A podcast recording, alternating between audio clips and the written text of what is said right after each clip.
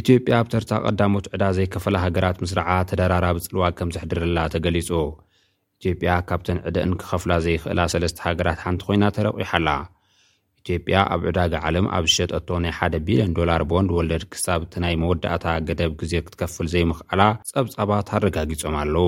ማዕከን ዜና ሮይተርስ ከም ዘመልከቶ፣ ኢትዮጵያ ብሰኑይ ዕስራን ሓሙሽተን ታሕሳስ ክልተ ሽሕን ዕስራን ሰለስተን ዓመተ ምህረት ሰላሳን ሰለስተን ሚልዮን ዶላር ስለ ዘይከፈለት ዕዳኣ ክትከፍል ዘይከኣለት ሳልሰይቲ ኣፍሪካዊት ሃገር ኮይና ተመዝጊባ ኣላ። ኢሉ'ሎ።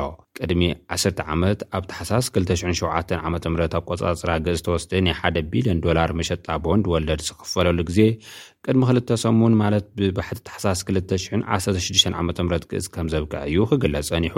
እንተኾነ ድሕሪ'ቲ ናይ ክፍሊት ገደብ ግዜ ምዝዛሙ ዓሰርተ ኣርባዕተ መዓልታት ዝነበረ ናይ ምሕረት ግዜ እውን ሓሊፉ'ሎ። መንግስቲ ኢትዮጵያ ንተዘራራቢ ኮይኑ ዝፀንሐ ልዑል ወለድ ከምዘይከፈለ እውን ኣረጋጊፁ እዩ።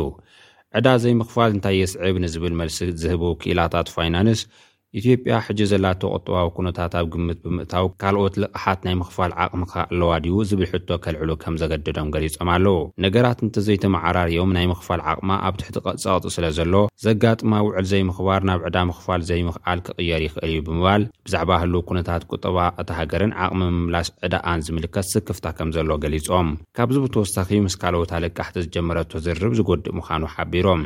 ኣስታት ፍርቂ ልቓሕ እታ ሃገር እትሽፍን ቻይና ንኢትዮጵያ ናይ ሓደ ዓመት ምንዋሕ ክፍሊት ዕዳ ከምዝገበረትላ እዩ ዝንገር። ብተወሳኺ ብመገዲ ሓበራዊ መቓን ጉጅለ ዕስራ ዕዳ ንምንዋሕ ኢትዮጵያ ዝርርብ ተካይድ ከምዘላ እውን ዝፍለጥ እዩ። እንተኾነ ኢትዮጵያ ነቲ ልቓሕ ዘይምኽፋላ ኣብ ካልኦት ዘተታት ፅልዋ ብምሕዳር ጥራሕ ዘብቅዕ ከምዘይኮነ ዝገልፁ ክኢላታት ፋይናንስ፣ ካብ ዓለምለኻዊ ትካል ገንዘብ ኣይኤምኤፍ ተስፋ እትገብሮ ገንዘብ እንተሃልዩ ኣዝዩ ክደናጎይ ከምዝኽእል ኣጠንቂቖም ኣለው። ምስ ኣወፈርቲ ዘለወን ሃገራት ዘሎ ዝምድና እውን ብዝተወሰነ መልክዑ ክጎድእ ከም ዝኽእል፣ ኣብ ዝህብዎ ሓገዝ እውን ጽልዋ ክህልዎ ከም ዝኽእል እዩ ሳዕቤናቱ ኣረዲኦም ዘለዉ። ከም ጸብጻብ ቢቢሲ እንተኾይኑ፣ ብሰንኪ ምድንጓይ ሓገዝ፣ መንግስቲ ነቲ ሕጽረት በጀት ንምምላእ ገንዘብ ናብ ምሕታም ክኣቱ ይኽእል'ዩ ዝብል ግምት ብምቕማጥ፣ እዚ ድማ ነቲ ኣብታ ሃገር ዘሎ ናህሪ ዋጋታት መነባብሮ ከጋድዶ ከምዝኽእል ኣጠንቂቖም እዮም።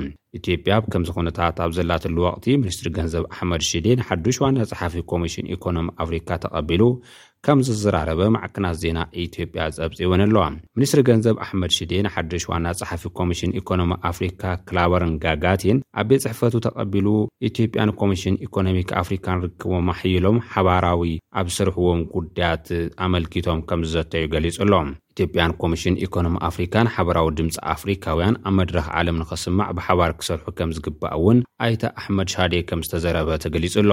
ክላቨር ጋቲቴ ብግድኡ ኮሚሽን ኢኮኖሚ ኣፍሪካ ዝተጣየሸ ነታ ኣህጉር ብምዃኑ ኣፍሪካውያን ኣብ መድረኽ ዓለም ናይ ሓባር ድምፆም ንኽስማዕ ኢሲኤን ሚኒስትራት ፋይናንስ ኣፍሪካን ብሓባር ክሰርሑ ከም ዝግባእ ምግላፁ እቲ ፀብፃብ ኣመልኪቱ ኣሎ።